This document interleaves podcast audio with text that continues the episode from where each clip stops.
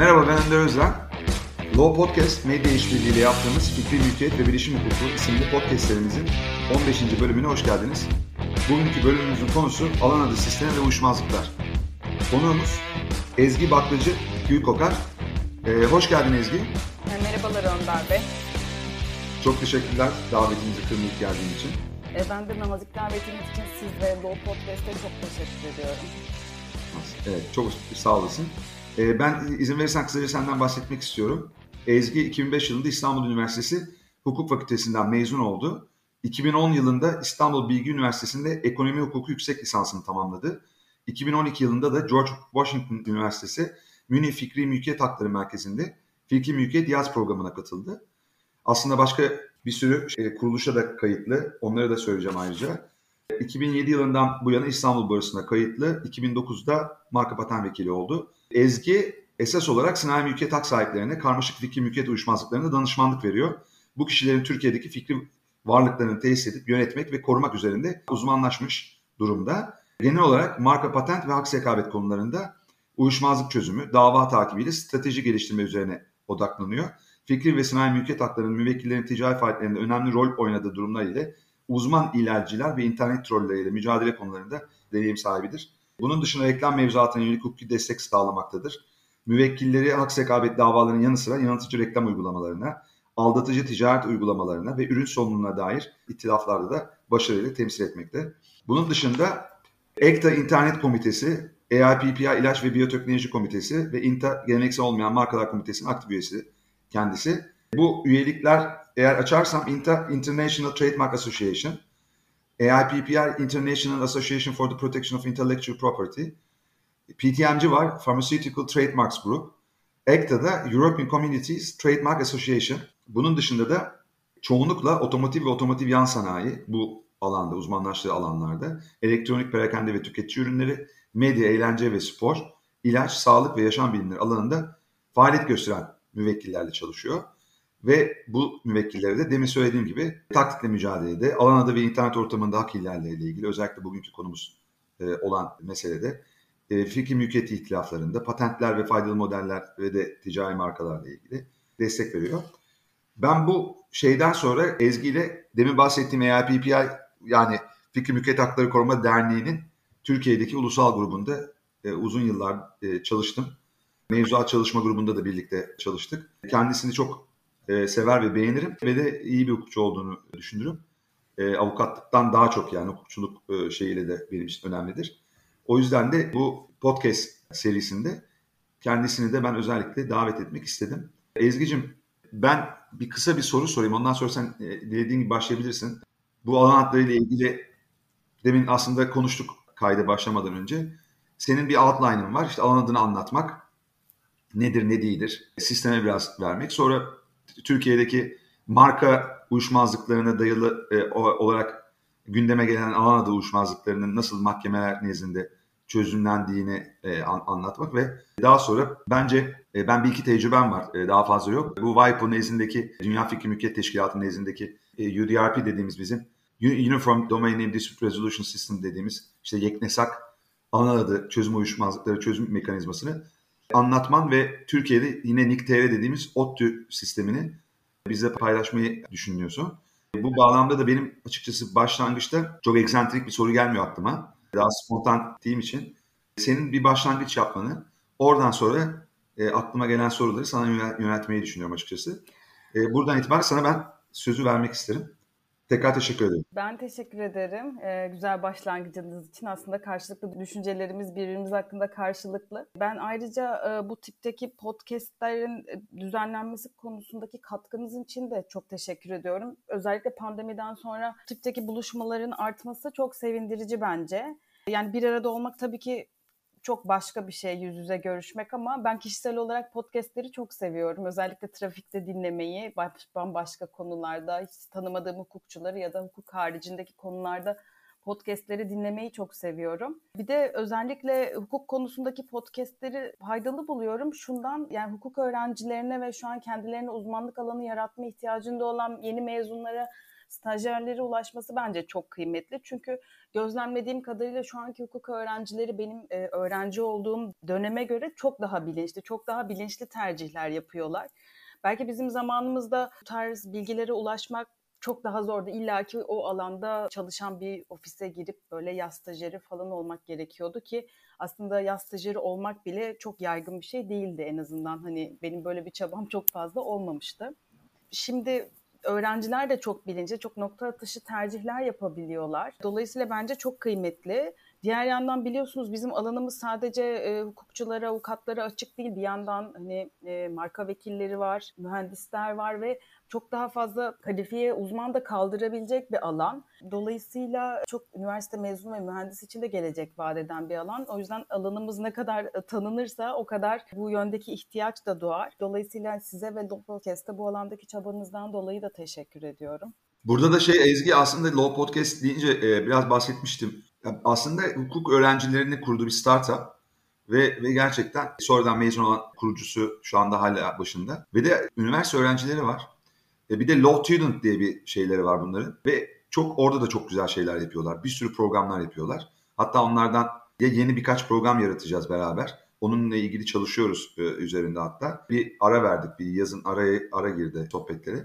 Ama genel olarak ben biz özellikle burada bir şeyler yapmayı bu genç genç hukukçuları özellikle destek olmak için hani e, şey yaptık.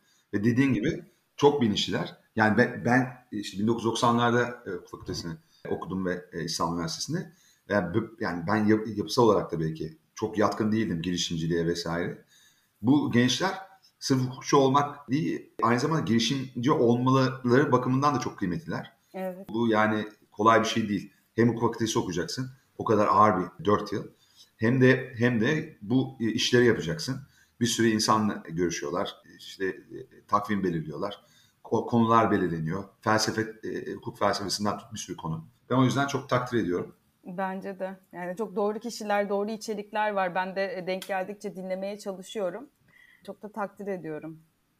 Evet. Bu şeyden sonra istersen başlayabilirsin konuyu alan adı sistemi ve uyuşmazlıkları şeklinde belirledik. Dolayısıyla konuya başlarken alan adlarından en basit haliyle yani hepimiz biliyoruz alan adı nedir ama en basit haliyle bahsetmek faydalı olacak. İnternetin günlük hayatımıza girmesiyle alan adları, domain name'ler de hayatımıza girdi. Her şirketin, her markanın bir alan adı var. Aslında alan adı en basit haliyle IP adreslerinin yani internet protokollerinin yerine, o numaralar yerine kullanılan isimlerdir. E, alan adları da sağındaki, alan adının sağındaki com ya da com.tr şeklindeki uzantılara göre farklı e, sistemlere tabi oluyor. Örneğin işte ezgi.com ya da ezgi.com.tr alan adındaki tr top level domain yani birinci derece alan adı. com second level domain. Oradaki ezgi de third level domain olarak isimlendiriliyor ve e, bu birinci derece alan adları da kendi içinde ikiye ayrılıyor. Jenerik birinci derece alan adı ve ülke kodu ikinci derece alan adı, jenerik birinci derece alan adı e, yani com, net, org, go gibi e, bir uzantıyla biten alan, alan adları.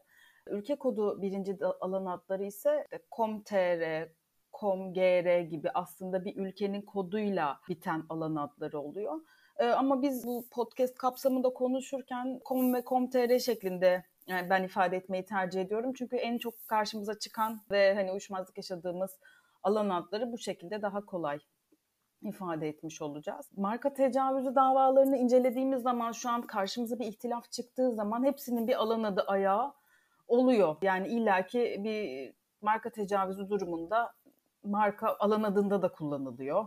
Bu durumda tecavüz davalarında illaki bir markanın alan adında kullanımının engellenmesi mahiyetinde bir talep, bir tedbir talebi bir illaki oluyor. Bizim kanunumuz da sınai mülkiyet kanunu da buna izin veriyor aslında. Çünkü markadan doğan hakların kapsamının belirlendiği 7. maddede işareti kullanan kişinin işaretin kullanımına ilişkin hakkı veya meşru bağlantısı olmaması kaydıyla işaretin aynı veya benzerinin internet ortamında ticari etki yaratacak biçimde alan adı yönlendirici kod, anahtar sözcük ya da benzeri biçimlerde kullanılmasını engelleme yetkisi veriyor. Yani bir şekilde alan adında kullanıldığı zaman bunu en, e, marka sahibinin bunu engelleme yetkisi var. Yani kanunumuzda var ama ne kadar etkin ve hızlı sonuç alıyoruz? İşte bu sorunun cevabı çok tatmin edici değil. Çünkü kanun kapsamında alacağımız bir aksiyon aslında bir hukuk davasına işaret ediyor. Ve internet üzerinden gerçekleşen tecavüz eylemlerinde de karşı taraf her zaman yeri yurdu belli olan bir şirket, işte bir tüzel kişilik olmadığı gibi bazen aslında hiç adını yani isim bilgisi bile verilmiyor. Şimdi bizim karşımıza bir domain çıktığı zaman ve biz buna karşı bir aksiyon alacağımız zaman aslında HUIS kayıtlarına giriyoruz. HUIS kaydı ne? O alan adı kimin adına kayıtlı diye bakıyoruz aslında husumeti yönlendirmek ve davayı açacağımız kişiyi tespit edebilmek adına. Hiçbir bilgi verilmemiş olabiliyor. İsim böyle XXX falan şeklinde yazabiliyor. İsim bilgisi yer almıyor vesaire. Bu durumda aslında karşı tarafı belirleyemiyor oluyoruz. İlk sorunu zaten buradan yaşıyoruz.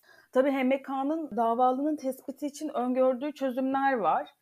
Şimdi elimiz kolumuz bağlandı. Bir kere zaten bir alan adı uyuşmazlığı devreye girdiği zaman tedbir zaten kaçınılmaz oluyor. Yani tedbir talep edip aslında buradaki hukuka aykırılığı derhal sonlandırmak gerekiyor. Fakat tedbir talebinde de gene karşı tarafı yani bir hukuk davası olduğu için karşı tarafı yani husumeti yönlendirmemiz gerekiyor.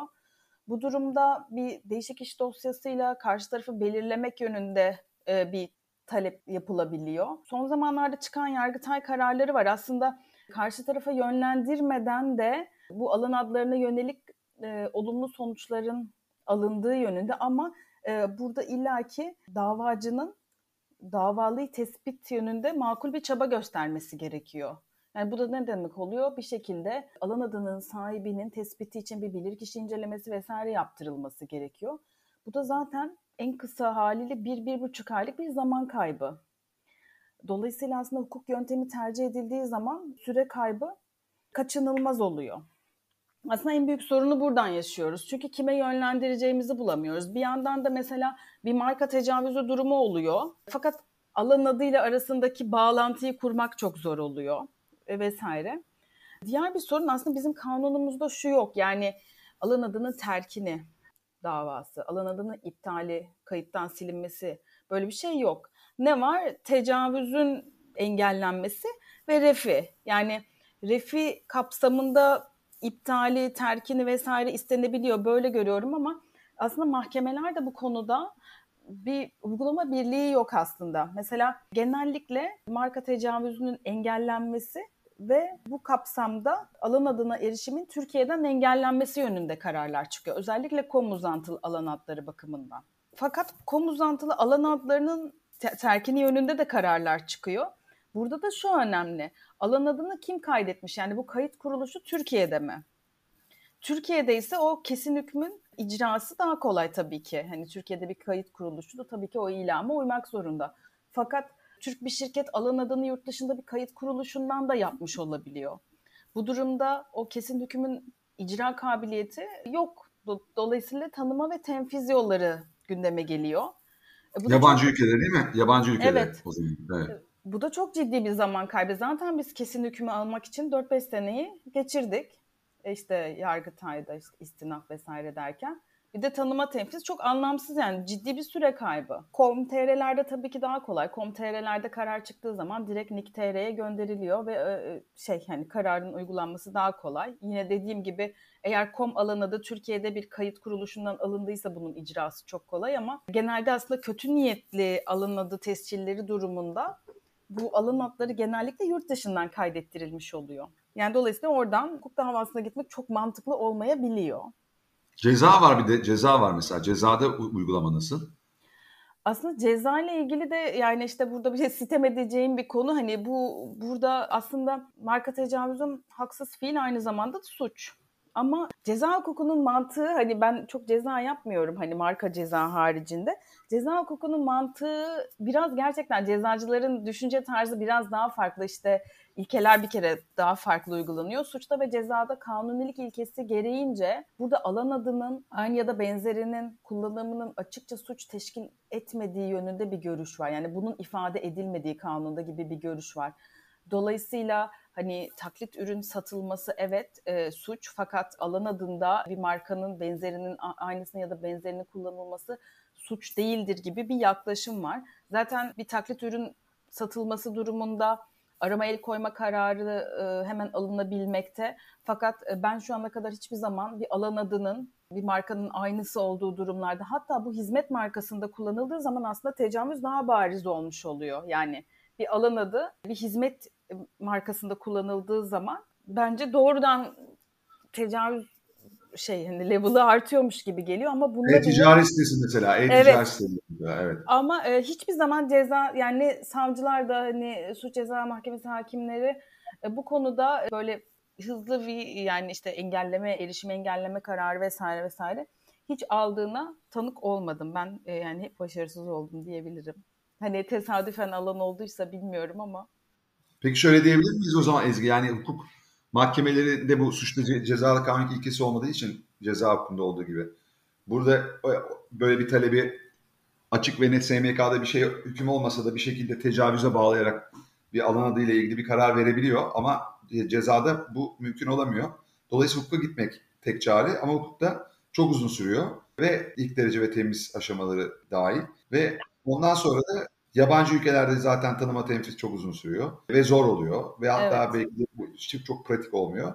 Türkiye'de olması lazım. Çoğunlukla da bunu bilen, bilinçli alan adı e, uyuşmazlığına sebep olan alan adlarını alanlar da bilinçli taklitçiler diyelim. Yurt dışındaki kayıt kuruluşlarından, registerlardan bu işi halletmeye gidiyor olabilir. Ve o yüzden de zorlanıyorsun. O kişilerin bulunması da yine dediğin gibi hukuktan mahkemeler aracılığıyla zor, uzun bir zaman alıyor. Evet. Ama bir şekilde bulunuyor değil mi? Bulun, bulunduğu oluyor. Yani tamamen şeye bağlı. Aslında karşımızdaki yani e, bir şirketse, bir tüzel kişilikse böyle bir uyuşmazlıksa karşı tarafın adresi, yeri, yurdu vesaire belliyse ben davayı açabiliyorsam tabii ki orada her şey çok daha kolay. E işte ama bu bir internet trollüyse, işte ismi belir, belirtmediyse ya da başka bir ülkeden tescil ettirdiyse tabii ki çok zor. Peki bir, bir şey soracağım. Benim elimde bu yeni bir şey var e, hemen. Pro, e, ne, ne var e, Türkiye'de? Bir kayıt kuruluşu tek galiba ilki. Neydi adı onun? Türkiye'deki ilk kayıt kuruluşu. Şimdi aklıma gelmedi. O kayıt kuruluşunda kom almış ve ama şeyi de yok. Web sitesi var. Hı hı. Alan adıyla bir, bir sayfa bir şey açmış. Birebir müvekkilin şeyini yapıyor ve markasını kullanıyor. Hı hı. Ee, çok az bir değişiklik. Yani ayırt edilemeyecek derecede benzer bir şekilde. Ee, çok aşikar bu. Aynı şeyde e, sınıflarda, e, ürün hizmet sınıflarında kullanıyor. Orada da hiçbir kuşku yok. Bir şekilde bunun e, şeyin web sitesinin altında bir isim koymuş. Ama şirket ismi de değil. Baktığında da çok bir şey çıkmıyor. Şimdi buna karşı bir şey yapmam lazım geldiğinde ben Türkiye'de olduğu gerçeğinden hareketle ve bunun bir .com olduğunu da e, bilerek ben ne yapmalıyım? En kestirme bu durumu halletmek için Türkiye'de. Komuzantılı değil mi? Komuzantılı ve Türkiye'de. Ben şimdi bakacağım. Sana söyleyeceğim onun hatta ne olduğunu. Yani ilk başta Whois kaydından şeye bakıyoruz. Onu, onu çıkardık. Orada şey yazmıyor. Bu tescil sahibinin ana adı sahibinin adı yok orada. Hmm. Şey var. Register var telefon var register'ın vesaire. Yani, yani onlar burada var. benim e, tecrübem şöyle yani çok ciddi hemen e, bugün sonuçlansın gibi bir şey yoksa eğer ilk başta bir değişik iş dosyasıyla o alan adının sahibinin tespiti yönünde bir te, tespit dosyası açılabilir. O tespitin sonucuna göre tecavüzün önlenmesi refi davası açılabilir devamında. Oradan öğrenebilir diyorsun. Bu Nix Telekomünikasyon AŞ'ymiş bunun şey. Evet. Nix. Yani bu firmalar paylaşmazlar tabii ki bu kişilerin isimlerini. Ama bazen biz kayıt kuruluşlarına da ihtar gönderdiğimiz oluyor. Tabii sonuçta onların da e, kaydettirenle aralarında bir anlaşma var.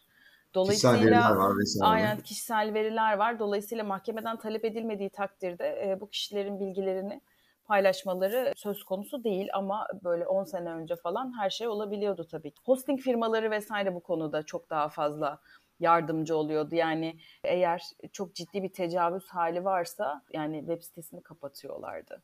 Ama şimdi böyle şeyler biraz zor. Yani o zaman şimdi gidip değer tespit talebinde bulunduğunda yani dava açmadan önceki hızlı prosedürü uyguladığında tedbir talepli hatta yapabiliyorsun bunu. O orada peki muhatap kim olacak burada? Kimi göstereceğiz?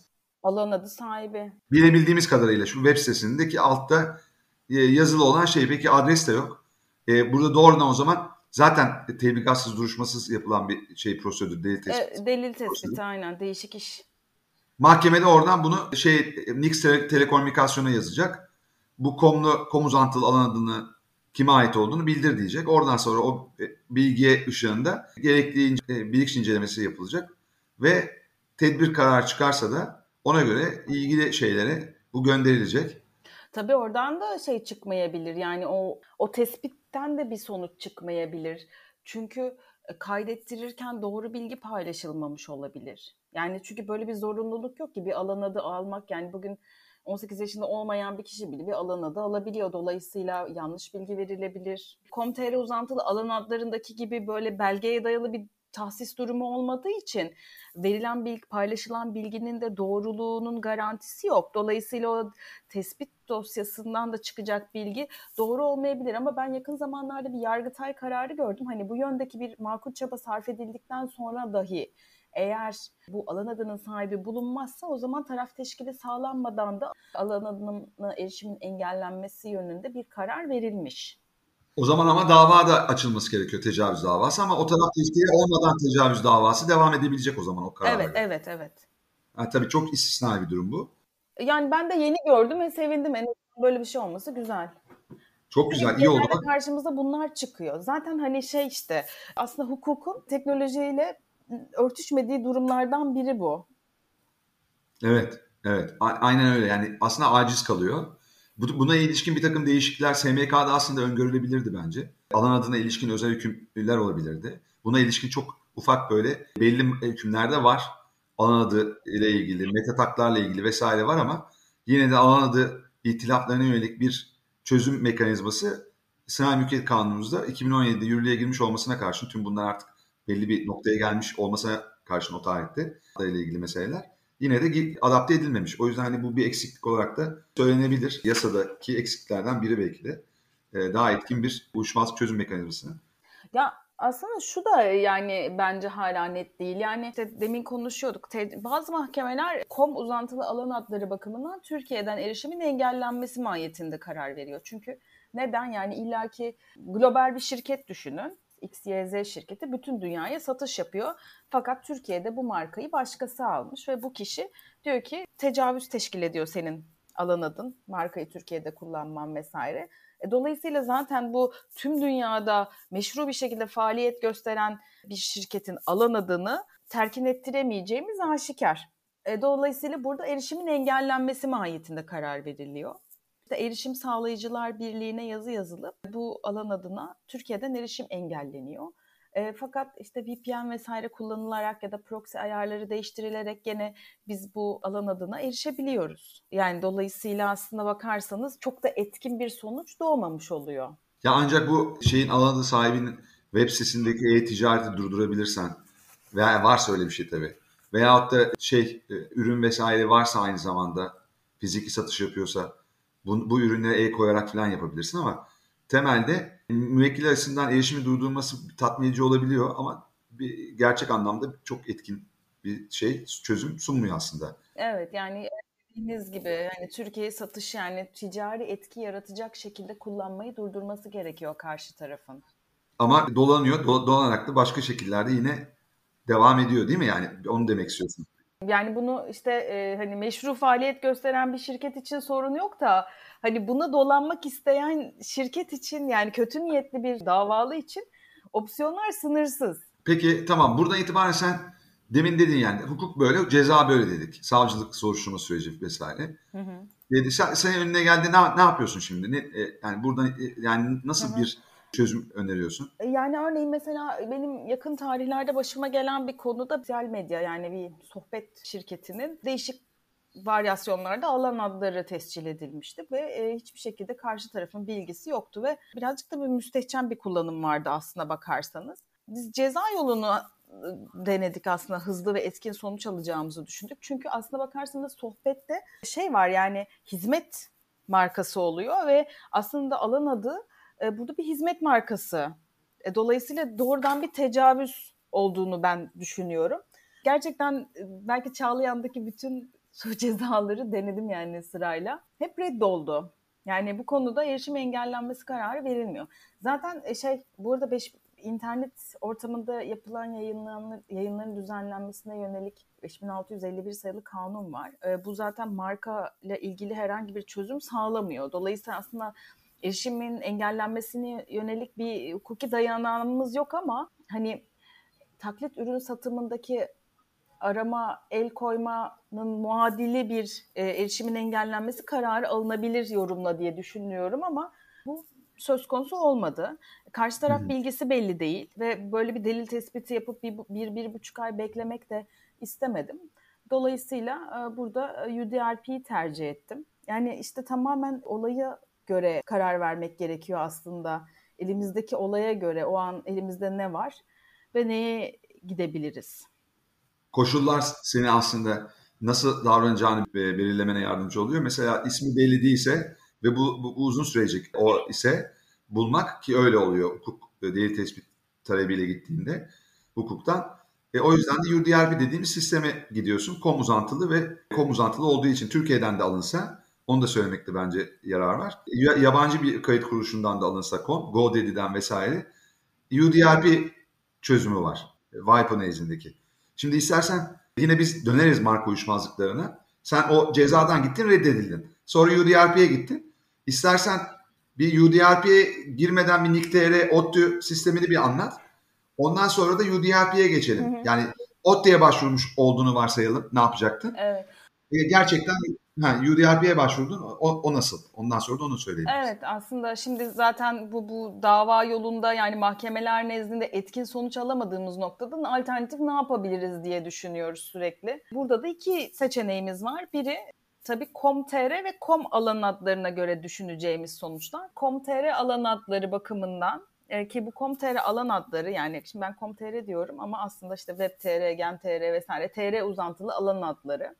Aslında bu ODTÜ nezdinde yer alan DNS çalışma grubu tarafından yürütülmekte olan bir süreç. TR, uzanan, TR uzantılı alan adlarına yönelik itiraz süreci. Ve aslında son günlerini yaşıyor.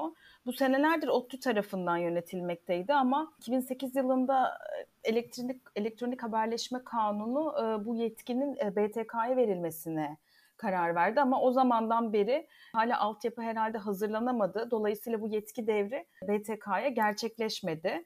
Ama hani benim anladığım kadarıyla şu an DNS, DNS çalışma grubundaki dosyalardan hani biraz bir yavaşlama var ve her an sanki BTK tarafından incelenmeye başlanabilirmiş gibi bir duyum aldım. Yani son günlerini yaşıyor. Komter alan adları bakımından en önemli konu belgeli tahsis yapılması. Komlarda bunun aksine first come first serve dediğimiz yani ilk gelen ilk alır ilkesi esas. Fakat com.tr bakımından belgeli tahsis sistemi geçerli. Belgesiz başvuru yalnızca web.tr, gen.tr, name.tr, tel.tr gibi alan adları için geçerli. Herhalde burada çıkabilecek uyuşmazlıkların önüne geçmek amaçlı böyle bir sistem benimsenmiş. Belgeli tahsis ne demek? Yani alan adına başvuran başvurucu ilgili alan adıyla bağlantısını bir şekilde ortaya koyacak demek. Bu ne olabilir? Kimlik olabilir. E, işte şir, ticaret odasından alınmış faaliyet belgesi, ticaret sicil belgesi, oda sicil kayıt sureti, sicil tasdiknamesi olabilir ya da marka tescil başvuru belgesi ya da tescil belgesi olabilir. E, ben hani tescil belgesi ne dayalı yapılan e, alan adları ihtilaflarından bahsedeceğim hani şu an konumuzla alakalı olduğu için. Bu zamana kadar TR yani DNS çalışma grubu alan adı itirazlarını TR alan adları politikalar, kurallar ve işleyiş adı altındaki düzenleme yasas olarak değerlendirmiştir. Bir başvuru yaptığımız zaman gerek diğer belgelere gerekse de marka tescil belgesine dayalı olarak yapılan başvuru itiraz askısında yayınlanıyor eğer bu alan adı başvurusu e, kom, marka başvurusuna dayalı olarak yapıldıysa ve eğer bu marka başvurusu başvuru sürecindeyse alan adı marka başvurusunun tescilini bekliyor itiraza, marka askısında. Ama eğer marka başvurusuna yapılmadıysa itiraz askısında bekliyor ve bu alan adına itiraz yapılıyor ve itiraz hemen inceleniyor. Fakat marka başvurusuna yapılan itirazlarda da demin dediğim gibi o alan adına da şey o marka başvurusuna da itiraz etmek gerekebiliyor. Evet çünkü o başvuruya dayanıyor veya işte ticaret siciline ilişkin şeyle ünvanına şeyine e, belgesine e, dayanabiliyor ama markaya da genellikle markaya dayanılıyor. Değil mi başvuruya? Evet. evet. Hı hı. Şimdi burada da değişik varyasyonlar çıkıyor karşımıza. Örneğin diyelim içecekler de meşhur olan bir marka var ve üçüncü bir kişi bu alan, bunu alan adında kullanmak istiyorsa gidip hırdavat yani işte 17. sınıfta başvuru yapıp böyle bir alan adına başvurabiliyor. Bu durumda e, içecek markası, içecek şirketi itiraz ettiği zaman o marka başvurusuna itirazı kabul olmayabiliyor ya da kabul olsa bile kısmen kabul olabiliyor. Bu durumda marka başvurusunun içinde örneğin bir alt sınıfı kaldı. Bu bir alt sınıfı bile aslında o alan adı bakımından da meşru bir hak teşkil ediyor. E, bu çok fena bir şey yani baktığında. Evet bu çok Çünkü fena bir şey. Tecavüz edilecek bir şey var ve kullanımı alamadığı sınıflarla ilgili olacak ki gerçek hak sahibini rahatsız edebilmeye devam etsin ve onun şeyinden faydalansın. Haksız rahmet e, e, elde etmeye devam etsin. Zahmetsiz rahmet daha doğrusu pardon. Evet. Ee, ve ve o tek sınıfın kalması bir iki ürün veya hizmetin yazılı olması hala başvuruda onun şeyini devam ettirmesini sağlıyor. Evet. Alan adı e, şeyin tescil sürecini. Ya da mesela şimdi kullanım ispatı konusu var. Diyelim ki hani benim müvekkilim hani çok tanınmış bir marka değil. Dolayısıyla tanınmışlıktan başka sınıftaki başka evet. sınıftaki bir marka başvurusunu reddettiremiyorum. Kullanım ispatında kısmen sundum. İşte bir mal grubu kaldı işte. Aynı bu sonuç oluyor. Yani dolayısıyla o mesnet marka başvurusunu tamamıyla reddettirmem gerekiyor. E bu olmadığı zaman orada bir e, alan adı doğmuş oluyor. Alan adı geçerliliğini devam ettiriyor.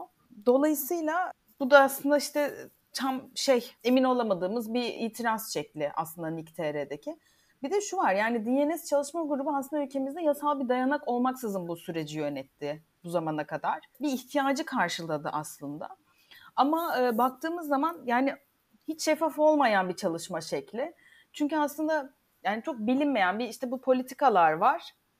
İtiraz ediyoruz. İşte itiraz kabul oldu, reddoldu. Hani yorumla diyoruz ki aa işte bundan kabul oldu, bundan reddoldu. Başka meslektaşlarımız nasıl kararlar aldı, nasıl tecrübeler edindi bilemiyoruz. Yani verilen kararlar açık değil. E, dolayısıyla buradan bir yani içtihat da doğmadı, uygulama da doğmadı. Böyle el yordamıyla yapılan bir şey. Dolayısıyla aslında bu 10 senedir yapılan bir yani 10 senedir yani 10 seneden belki daha fazla bir süredir bu NİK.TR nezdinde itirazlar yapılsa da çok kişi burada ne yapıldığını, ne amaçla yapıldığını, ne gerekçeyle ne karar verildiğine yönelik bir tecrübe elde edemedi.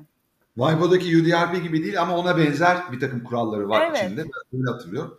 Orada da e, bir, demin dedin ama bir daha burada tekrar etmekte fayda var.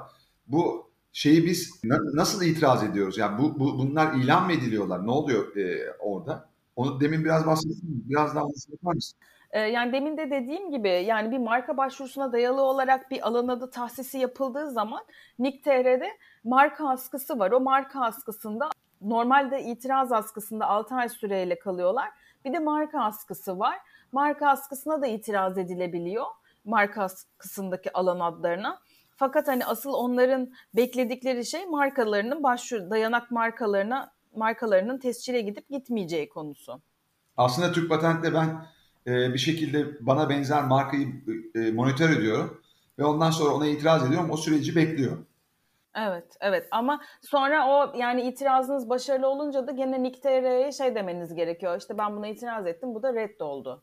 Ya peki peki ben şimdi başvuruya gittim, itiraz ettim ama benim gidip Anadolu siciline gidip bakmam gerekiyor. Onu ben mi yapıyorum? Bana herhangi bir şey gelmiyor değil mi?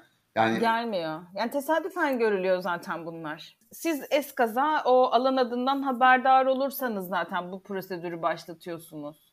Tamam yani o, o zaman o, o netleşmiş oluyor şimdi. Yani biz nasıl markaları ilan edildikleri şeyden askıya çıktıklarında itiraz edebiliyoruz takip ederek. Ana adlarında böyle bir takip sistemi yok. E, ve dolayısıyla benim bunu tespit etmem gerekiyor bir şekilde. Evet. Tespit edildikten evet. sonra. Ya bunlar biraz tamamen tesadüf eğer eş zamanlı tespit edersen şöyle bir şey yapabiliyor muyuz? Mesela itiraz ettim bu adam kim bilmiyorum. Araştırdım. Alan adına gidip e, NİK.TR'ye gidip ben com.tr uzantılı bu alan adının alan adı başvurusu var mı yok mu diye ya da e, yazıyorum şeye araştırma şeyine NİK.TR'nin karşıma çıkıyor. E, evet. bir tane alınmış. O zaman veyahut da başvuru aşamasında onu görebiliyor muyum yani ben daha henüz test edilmeden önce görebiliyor muyum ben onu? E, tahsis edildi yani başvurusunu kabul edildiği andan itibaren orada görebiliyorsunuz. O askı dediğin süreçlerde de benim e, e, Türk Patent'teki süreci ben bilmesem bile alan, alan adını Nick.tr bek, bekleme, bekliyor mu? Yani o başvuru aşamasında olduğu için mi bekletiyor askı süresi dediğin süre? Evet marka markaya dayalı tahsis edildiği için marka askısında yayınlanıyor. Ama sonunda eğer kimse itiraz etmezse o marka askısındaki alan adına kimse bu dayanak marka reddoldu. Nick.tr sen de bu tahsisi reddet demediği müddetçe varlığını devam ettiriyor o 6 aydan sonra. Kaldı ki bazen şu da oluyor. Yani Nick.tr'ye hiçbir itiraz gelmiyor. Şey marka başvurusu yayınlanıyor, tescile çıkıyor. Fakat tescil ücretini de ödemiyorlar. Yani çünkü böyle bir kurumlar arasında bir e, şey çek durumu yok yani. Hani a tescil oldu mu oldu tamam ben de sana yazı gönderiyorum gibi bir durum değil. Ve o zaman orada reddedildiyse buradaki devam edebiliyor. Burası marka bitebiliyor Türk Patent izindeki başvuru e, reddediliyor. E, ve fakat şeydeki Nick TL'nin şeyinde paşalar gibi şeyi alabiliyor, alan adını alabiliyor. Evet. Yani burada üçüncü kişilerin itirazına ve bu durumu öne sürmelerine bağlı bir durum aslında. Evet, eğer söylemezse geçmiş olsun. Fark etmezse geçmiş evet. olsun. O zaman elimdeki başvuru belgesi alan adlı başvuru sahibi olarak benim için aslında yeterli. Çünkü askı, evet. askıya çıkması tamamen Nick kendi içinde yaptığı bir şey ve aleni değil aslında ve sen bunu monitör edebileceğin bir bülten vesaire olmadığı için ya da online bir bülten sen bir haber bir şekilde Türk patente itiraz dosyalarken nick değeri gözden kaçırabiliyorsun. Bu sistemde oldukça şey yani birbiriyle uyumsuz, birbiriyle etkileşim evet. iç, içinde olmayan bir, birbirinden bir haber iki tane sistem e, olmuş oluyor. Yani ama hani onlar da ne yapsınlar gibi bir durum var. Aslında işte dediğimiz gibi yani bir ihtiyacı karşılamak adına kurulmuş bir kurum ve aslına bakarsanız itirazları inceleme konusunda da bir kanun, bir yasa, bir yönetmelik değil, politikalar esas alınarak yapılan bir inceleme söz konusu. Dolayısıyla aslında itilafları önlemek yönünde e, önleyici düzenlemeler getirmeleri mantıklı hani bu zamana kadar. Bundan sonra ama ben çok merak ediyorum nasıl ilerleyecek yani e, bu BTK nezdinde kurulacak yeni sistemin neler getireceğini ben çok merak ediyorum. Yeni bir dönem olacak herhalde. Evet. E, orada ben bir de bir e, şey yapacağım. Daha önce e, yazdığım memolardan birinde şöyle bir bilgi ben vermişim. 23 Mart 2020 itibariyle Nick.tr'nin bu alan adı çözüm e, sıfatının sona erdirildiğini, e, yetkilerinin Trabis denen bu BTK'nın bir şeyine alt kuruluşuna devredildiği ben e, öğrenmişim ve yazmışım. E, dolayısıyla o dönemde ben bu memoyu yazdığımda herhalde şeyi de tavsiye etmemişim. Buradaki e, belirsizlik nedeniyle Travis daha henüz function etmediği için Nick TR'de buna karşı bir karar vermez diye düşünerek normal hukuk yoluna gidilmesini tavsiye etmiştim. Com.tr uzantılıydı. E, şey, uyuşmazlık konusu anladı. E, dolayısıyla yani senin söylediğin şey anladığım kadarıyla devam ediyor hala Nick TR. Bu ediyor, ediyor. ediyor. Hatta yani o, o tarihten sonra da e, kurulmadı he, Trabis. Dolayısıyla hani bu sene de yapmış olduğumuz alan altları itirazlarını halen Nick.tr'ye e, maille gönderiyoruz. Herhangi bir şeyi yok, harcı yok. İşte e, geri dönüş süresinde de bir vade yok. Yani 6 ayda olabilir, 5 ayda olabilir, 7 ayda olabilir şeklinde. E, mail yoluyla geliyor karar zaten. Hani alınıldı itirazınız kabul oldu, reddoldu şeklinde. Evet. E, bir buna gidilecek bir itiraz prosedürü de yok verilen karar aleyhine. E, böyle bir süreç. E, ama benim anladığım artık son günleri olduğu şeklinde. Ya, yani bunu, bunu düzenleyecekler diye ümit ediyoruz işte değil mi? BTK e, koyunca buna biraz daha evet. şey, çerçevesi. 2008'den beri bekliyoruz aslında. E işte. Yani 2017'de yürürlüğe giren SMK sınav mülkiyet kanunu ne kadar geciktiyse 95 yılında çıkartılan Aa, var, marka patent tasarım KHK'ları e, geçici kanun hükmünde kararnameler kaç yıl hani yürürlükte kaldıysa bu da öyle bir şey. Gecikerek bu tip şeyler geliyor. E, yürürlüğe giriyor. Buradan itibaren çok iyi işleyen bence.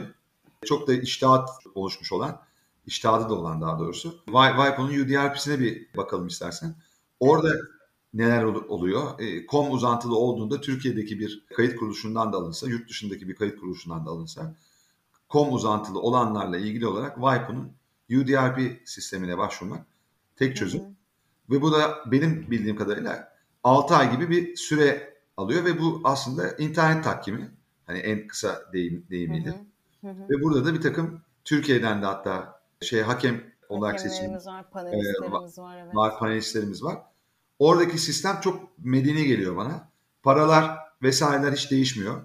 Onlar belli panelistlerin şeyine göre cost e, efektif e, e, denebilir bence. Ve de çok tık tık ilerleyen yani hani iştihatları, kararları, önceki kararlara bak, bak, bakıp işte kötü niyet nasıl yorumlanmış, tescil şey başvuru sırasındaki devam ederken ve, ve sonra efendime söyleyeyim hak sahipliği, benzerlik nasıl ele alınmış onları görebiliyorsun ve ona göre senin elindeki e, vakaya vakanın kendi içindeki koşulları, somut koşullarını değerlendirerek bir öngörülebilir yani legal certainty dediğimiz öngörülebilir evet. bir şey başvuru dosyalayıp dosyalamama kararı alabiliyorsun diye düşünüyorum. Sence de öyle mi? Çok haklısınız. Aynen dediğiniz gibi yani bana da çok medeni geliyor. Evet. E, hasret olduğumuz bir konu. Evet, aynen. E, ve öngörülebilirlik orada hani beni çok yani cezbediyor. Çünkü o kadar e, hani ara, aradığınız zaman istediğiniz kararı bulabiliyorsunuz. Herhangi bir database üye olmak zorunda değilsiniz. Kötü niyet nasıl yorumlanmış? Sürpriz yok. Hani o kadarcık sürpriz de olur yani hani herkesin hayatında. Bu aslında çok daha gelişmiş, efektif, hızlı bir alternatif e, UDRP. E, aslında ICANN UDRP itirazlarının incelenmesi bakımından 5 kuruluş yetkilendirilmiştir. Yani yaygın bilinenin aksine WIPO bu konuda UDRP itirazlarını incelemek için tek kuruluş değil. Evet. E, Amerika'da National Arbitration Forum var. Yani hatta benim ben sadece WIPO ile tecrübem var açıkçası. E, hatta birçoğumuzun da tecrübesi WIPO ile diye ben düşünüyorum. Hani daha fazla uyuşmazlık hallediyor diye düşünüyorum.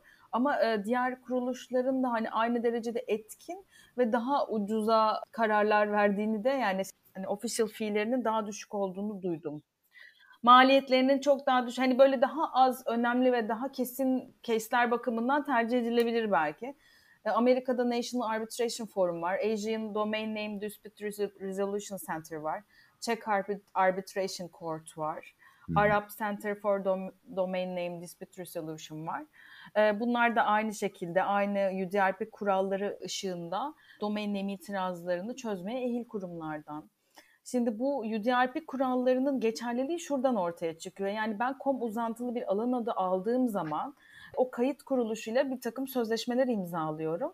Ve aslında o sözleşmenin içerisinde ben UDRP kurallarının, politikalarının herhangi bir ihtilafta bu e, dikkate alınacağını ve bu e, itilafın bu kurallar çerçevesinde çözüme kavuşturulacağını zaten kabul etmiş oluyorum. Dolayısıyla aslında bir tahkim şartını kabul etmiş oluyorum en baştan. Dolayısıyla kom uzantılı alan adları bakımından UDRP kurallarının geçerli olmasının mantığı buradan ileri geliyor. Evet. UDRP'de en temel farklılık bizim NICTR'dekinden. Yani aslında ayrıca NICTR'nin uygulaması o belgeli tahsis. İlk gelen ilk alır sistemi. Bir alan adına itiraz eden e, şikayet sahibi itirazını üç dayanak üstüne kuracak. Birincisi alan adı markasının aynısı ya da karıştırılma ihtimali yaratacak derecede benzeri. İkincisi alan adı sahibinin alan adı üzerinde meşru bir menfaati yok ya da yasal bir hakkı yok.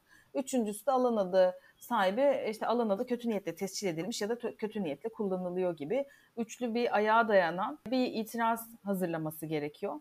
E, kötü niyetle aslında sınırlı olmamak kaydıyla bazı örnekler sunulmuş. Bunlar da hani bize çok yabancı olan şeyler değil. Alan adı sahibinin alan adını sadece yeniden satış, kiralama, şikayet edenle rekabet etmek amacıyla kaydettirdiği haller ya da şikayet edenin markasına ihtiva eden alan adının marka sahibi tarafından alınması taraf, alınmasını engellemek amacıyla kaydettirildiği haller ya da alan adı sahibinin şikayet eden yani başvurucunun haksız rekabet amacıyla hareket ettiği ve alan adının kaydedildiği haller gibi. Bazı örnekler sayılmış. Tabii örnekler bunlarla sınırlı değil. E, birçok karar yayınlanıyor her sene ve e, bunları inceleyerek aslında elimizdeki durumun bu buradaki kötü niyetin kötü niyet olarak kabul edip edilip edilmediğini çok kolaylıkla inceleyip değerlendirebiliyoruz. E, güzel olan bir şey Türkçe dilini seçebiliyoruz şikayet yaparken. Zaten e, Türkiye'den de beş tane panelist var galiba. E, hepimiz de tanıyoruz. Uğur Yalçıner var, e, Dilek Hanım var, Dilek Ekdiyal, Kerim Bey var, Kerim Yardımcı. Selma evet. Ünlü var, bildiğimiz e, panelistler. Zaten bunlardan hani Türkçeyi seçince bunlardan birine gidiyor uyuşmazlık. Yeni mi bu uygulama yoksa var mıydı bayağıdır? Türkçe uygu, Türkçe seçebilme. Yani ben hep seçtim galiba. Yani e, vardı galiba. Yani Türk panelistler bayağıdır da var aslında. O yüzden o zaman e, yani Hayır o değil. Hayır Türk panelisti olmasının sebebi Türk hukukunu vesairesini dikkate alarak karar vermesi diye ben bakardım. Onların Türkçe e, yapma şeyi olduğu için değil yani. Hani ben İngilizce hep bunu yapacağız diye düşünerek hep şey yaptım ama şimdi mesela çok sık yapmadığımda buradan belli oluyor.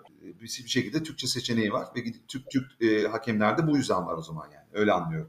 Yani e, farklı nedenleri de olabilir ama alan adının mesela eğer e, ben yabancı bir şirket olsam da diyelim şikayet eden karşı taraf Türkse onu da cevap vermesini kolaylaştırmak adına Türkçe dili seçilebilir. Diğer yandan şu da var yani bazen hani alan adı içeriği Türkçe ise ve benim sunacağım e, dilekçe yani sunacağım deliller Türkçe ise aslında Türk bir hakem seçmek oradaki e, durumu değerlendirmesi adına yani Türk Türkçe dilini seçmek bu sunduğum delillerin değerlendirilmesi adına daha kolay olabiliyor.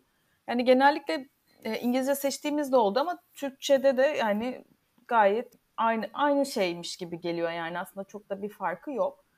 Evet. Kararlar Türkçe geliyor bu durumda. E, ve burada 60 günde geliyor karar. E, zaten şöyle bir süreci var. Şikayet 6 ay bile değil yani çok kısa. Değil evet. değil 60 gün yani 60-70 gün falan gibi bir şey. Zaten şikayet başvurusu yapıyorsunuz. Şikayet edilen e, cevap veriyor. Zaten çok adı sanı belli olmayan bir yerse çok cevap da gelmiyor. Sonra hakem tayin ediliyor. Siz burada bir ya da üç kişilik bir heyet isteyebiliyorsunuz. Ne kadar komplike olduğuna göre. Buna da, bunun da fiyatları şey yani değişiyor. Sürecin fiyatı değişiyor hakem sayısına göre. Sonra karar veriliyor ve taraflar bilgilendiriliyor ve karar icra ediliyor. Taraf bilinmiyorsa ne oluyor Ezgi? Taraf bilinmiyor diye. E, başından beri sorunum taraf bilinmemesi. O zaman ne oluyor? Ben UDRP'ye başvurduğumda mutlaka buluyorlar mı onu? E, kayıt kuruluşuna ihtar çekiyoruz ilk başta ya da onları yani daha ihtar çekiyoruz derken e, mail atıyoruz. İşte biz hani bununla ilgili bir UDRP prosedürüne prosedürünü başlatıyoruz. Dolayısıyla kaydettiren kişinin mail adresini vesaire paylaşın şeklinde. Eğer paylaş paylaşmazsa zaten kayıt kuruluşu taraf oluyor. Çünkü onlar da zaten bu UDRP kurallarını kabul etmiş sayılıyorlar. Yani güzel evet, olan şey bu. Kayıt ben şikayet kime yapıyorum? Nasıl? Şike- Şikayeti kime yapıyorum? Vaypo'ya. Kuruluşa. Vaypo'ya. Hayır. Vaypo'ya da kim muhatabım? Yani şikayet edilen alan adı sahibi ne bulamadım ve bana söylemedi. Kaydettiren Kayıt... şirket. Yani sizin dediğiniz gibi proxy, nick, nick proxy dediniz az önce. Ha, o, o, onu, onu evet, ben taraf evet. ediyorum. Değil evet. mi? Şeyim. Evet çünkü o kaydettiğiniz. Şeyi de sunuyorum, yazışmayı da sunuyorum. Cevap gelmedi diyorum. Evet aynen öyle.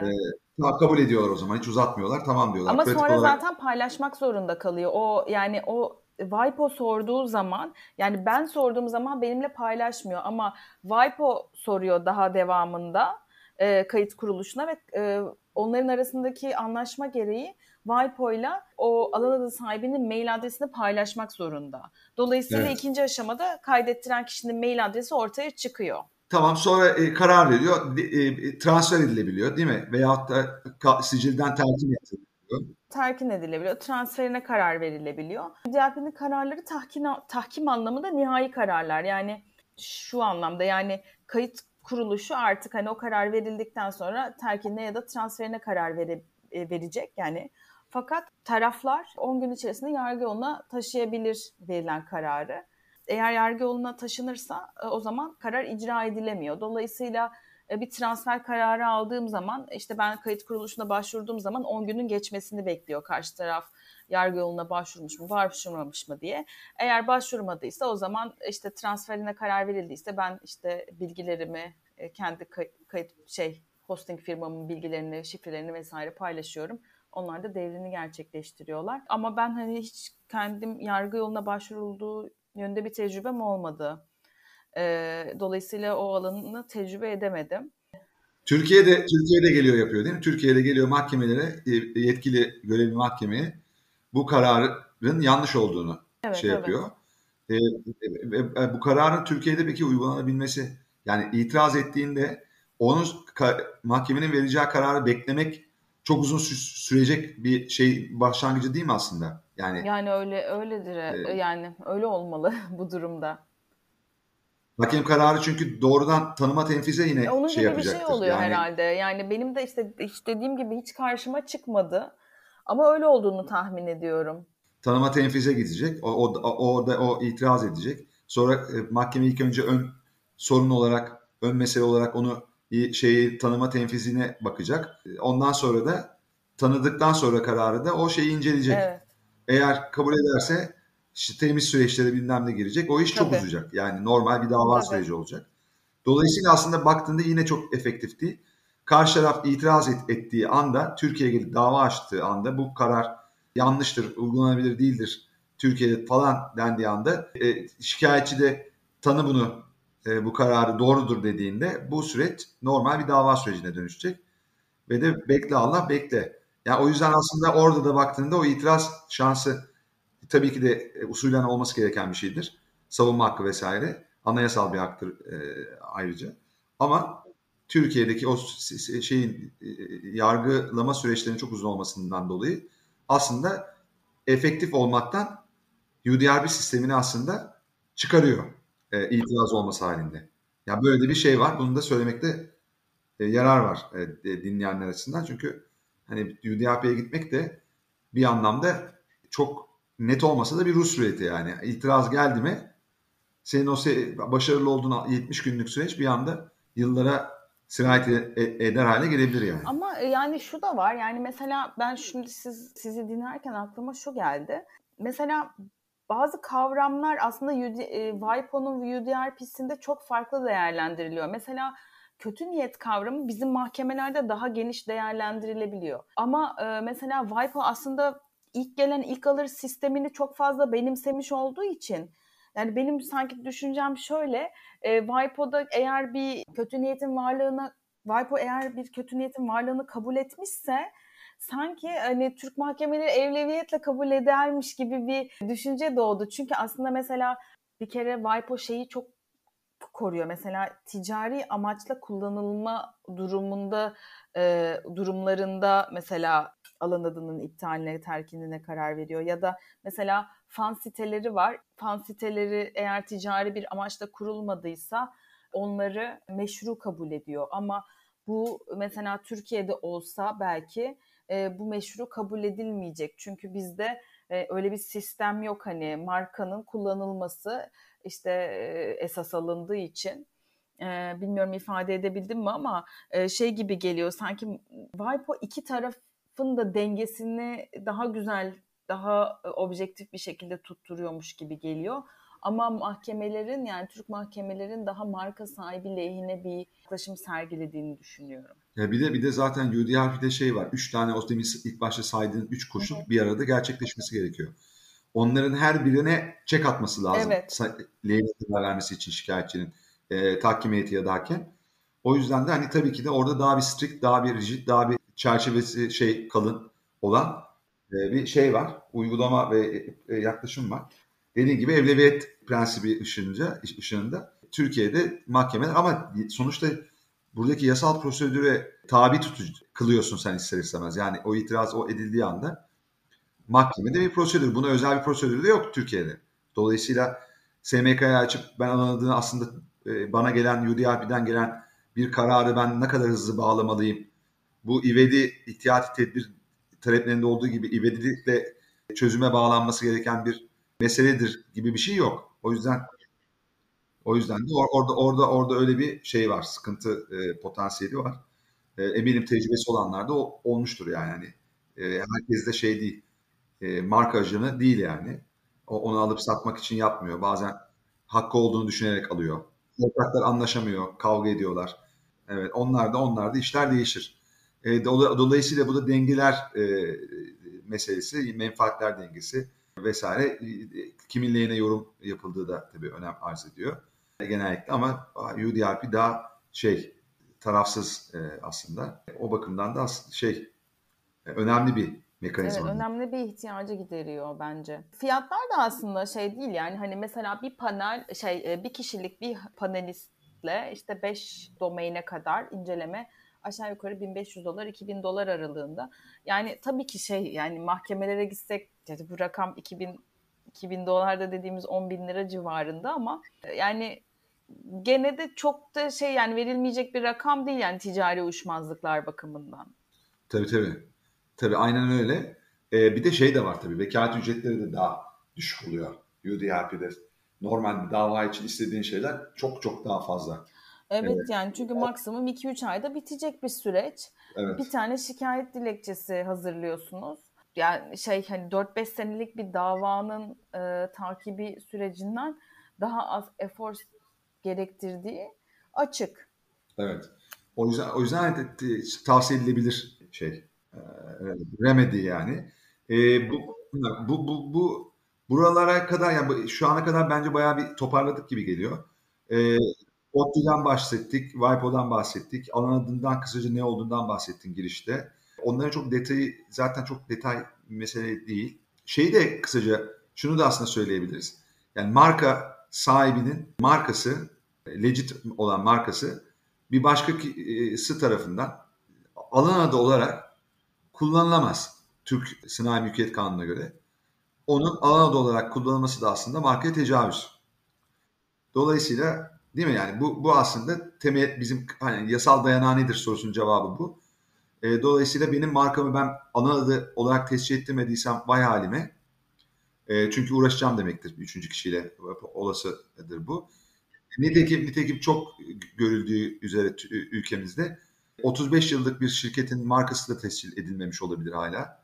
Onun kurucusunun şeyi nedeniyle, yaklaşımı nedeniyle. Veyahut da markası tescil edilmiş olabilir ama alan adı tescil edilmiş olmayabilir. Veya com almıştır, com.tr almamıştır ya da tam tersi vice versa. E, com.tr almıştır, com'u almamıştır. Com hop diye GoDaddy'den e, üçüncü bir kişi gider alır. E, efendime söyleyeyim. Bunun Vakko, Cem Yılmaz örnekleri bir sürü benzer örnekler geçmişte yaşanmıştır bu aynı şeyde.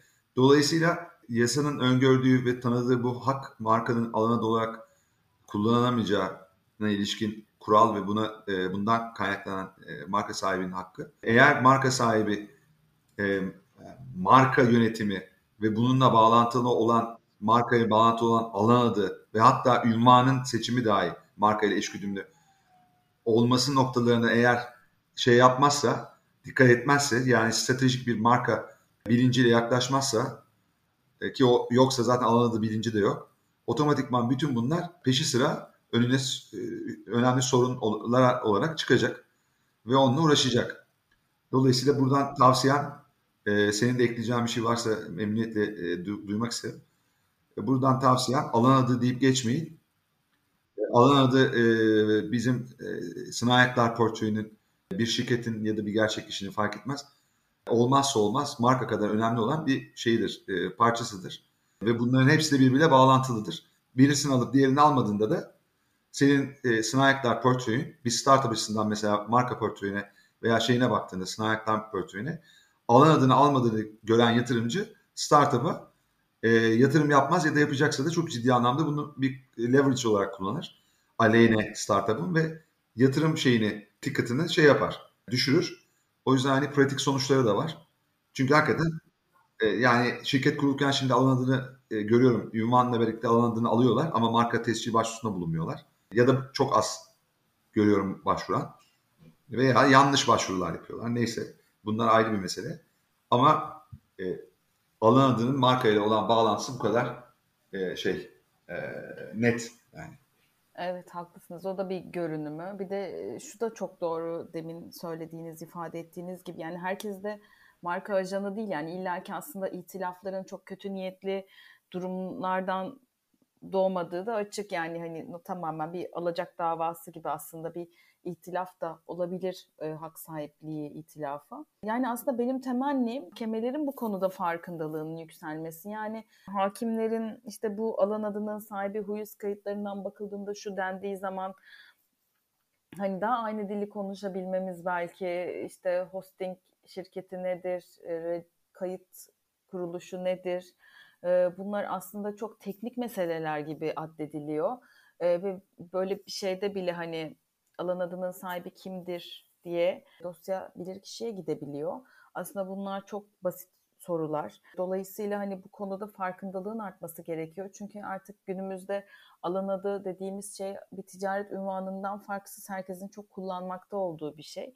Ve illaki her alan adı, her tecavüz dosyasının bir alan adı görünümü var. Diğer yandan zaten artık çok fazla internetten işlem gerçekleştiriliyor. Yani alışverişlerimizin çoğunu artık internetten yapıyoruz. Bu da zaten bu konudaki itilafların da çokça artacağına e, işaret.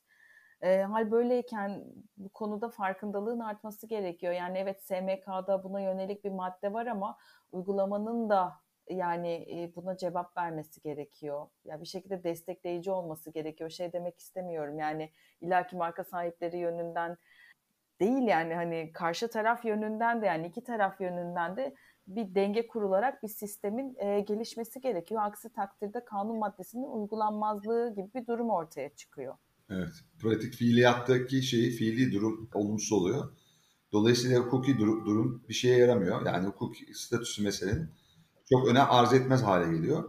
Yargıtay kararları da çok önemli tabii. Bu öğrenci e, meslekleri veya yeni meslektaşlarımız açısından. Yani mahkemelerin, ilk derece mahkemelerinin tavrı genellikle Yargıtay mahkemelerin tavrıyla aslında eşgüdümlü olarak gelişiyor. E, o yüzden de hani Yargıtay'a çok büyük görev düşüyor. Yine aynı şekilde de tabii e, bu işin arka e, mutfağındaki şeyler, işte bunlara karar veren, hukuk politikasını oluşturan kamu kurumlarının vesairelerin aslında ceza e, mesela süreçlerini e, savcılık aşamasında ve sul ceza hakimliklerinin vereceği, e, verecekleri kararlarda etkili olması. Yani bunun ceza ayağının geliştirilmesi de bence çok önemli olacaktır. Çünkü orada süreç çok hızlı ilerleyebilir. Savcılık çok hızlı bir takım şeylere ulaşabilir. E, sivil mahkemelerden çok daha etkin olabilir. O yüzden de aslında bizim ihtisas mahkemelerimiz falan var. Ekonomik suçlara bakan e, savcılıklar vesaire fikri haklarla ilgili savcılıklar da var. Ama ne yazık ki şeyi göremiyoruz yani o etkin bir şeyi marka e, suçlarına yönelik doğrudan marka ile ilgili şikayetlerinde çok açıkçası çok çok açık olmadığı sürece son birkaç yıldır özellikle savcılıklar tarafından takipsiz karar verildiği görüyoruz.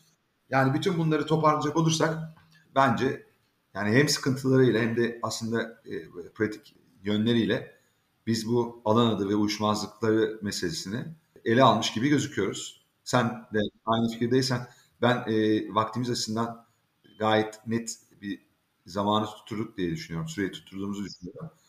O yüzden sana e, eğer eklemek istediğin bir şey varsa lütfen çekinme. Ama e, ben teşekkür etmek istiyorum. Ve bir çok keyifli oldu çünkü çok e, şey yaptık. Diyalog şeklinde oldu aslında. E, çok fazla soru cevap yaptık. Sen bir şey söyledin ben bunun üzerine bir şeyler söylemeye çalıştım falan. Bence keyifli oldu. Alan adı kolay gibi gözüküyor nispeten ama değil işte bir sürü karmaşık yönü var. Bunları da verdik bence. E, bir 101 tadında, 102 tadında aşağı yukarı bir şey oldu. Evet, ee, evet. Daha detaylı şeyler. biraz fazla oldu. evet, aynen öyle. O yüzden hani daha da derinlemesine bir şey eğer izlemek gelirse aklımıza ben Yine seninle mutlaka irtibata geçerim.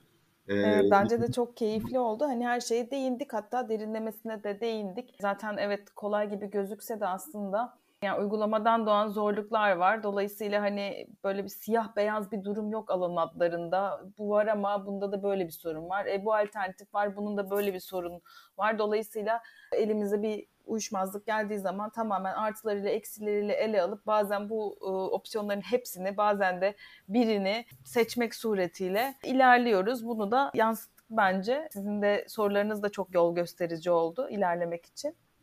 Bence de eksik bir konu kalmadı. O zaman bir başka programda buluşmak üzere diyorum Ezgi. İnşallah tekrar başka bir şey bölüm çekeriz seninle. Ee, evet, her zaman aklımızdasın. Ee, değerli zamanla ayırdığın için çok teşekkür ediyorum. Ben çok teşekkür ederim. Çok kıymetli, çok sağ ol. İyi ki varsın. Kendine çok iyi bak. Sevgiyle öyle. Çok sağ olun. Görüşmek üzere. Herkese, Görüşmek. tüm dinleyenlere sevgiler buradan. Hoşçakalın.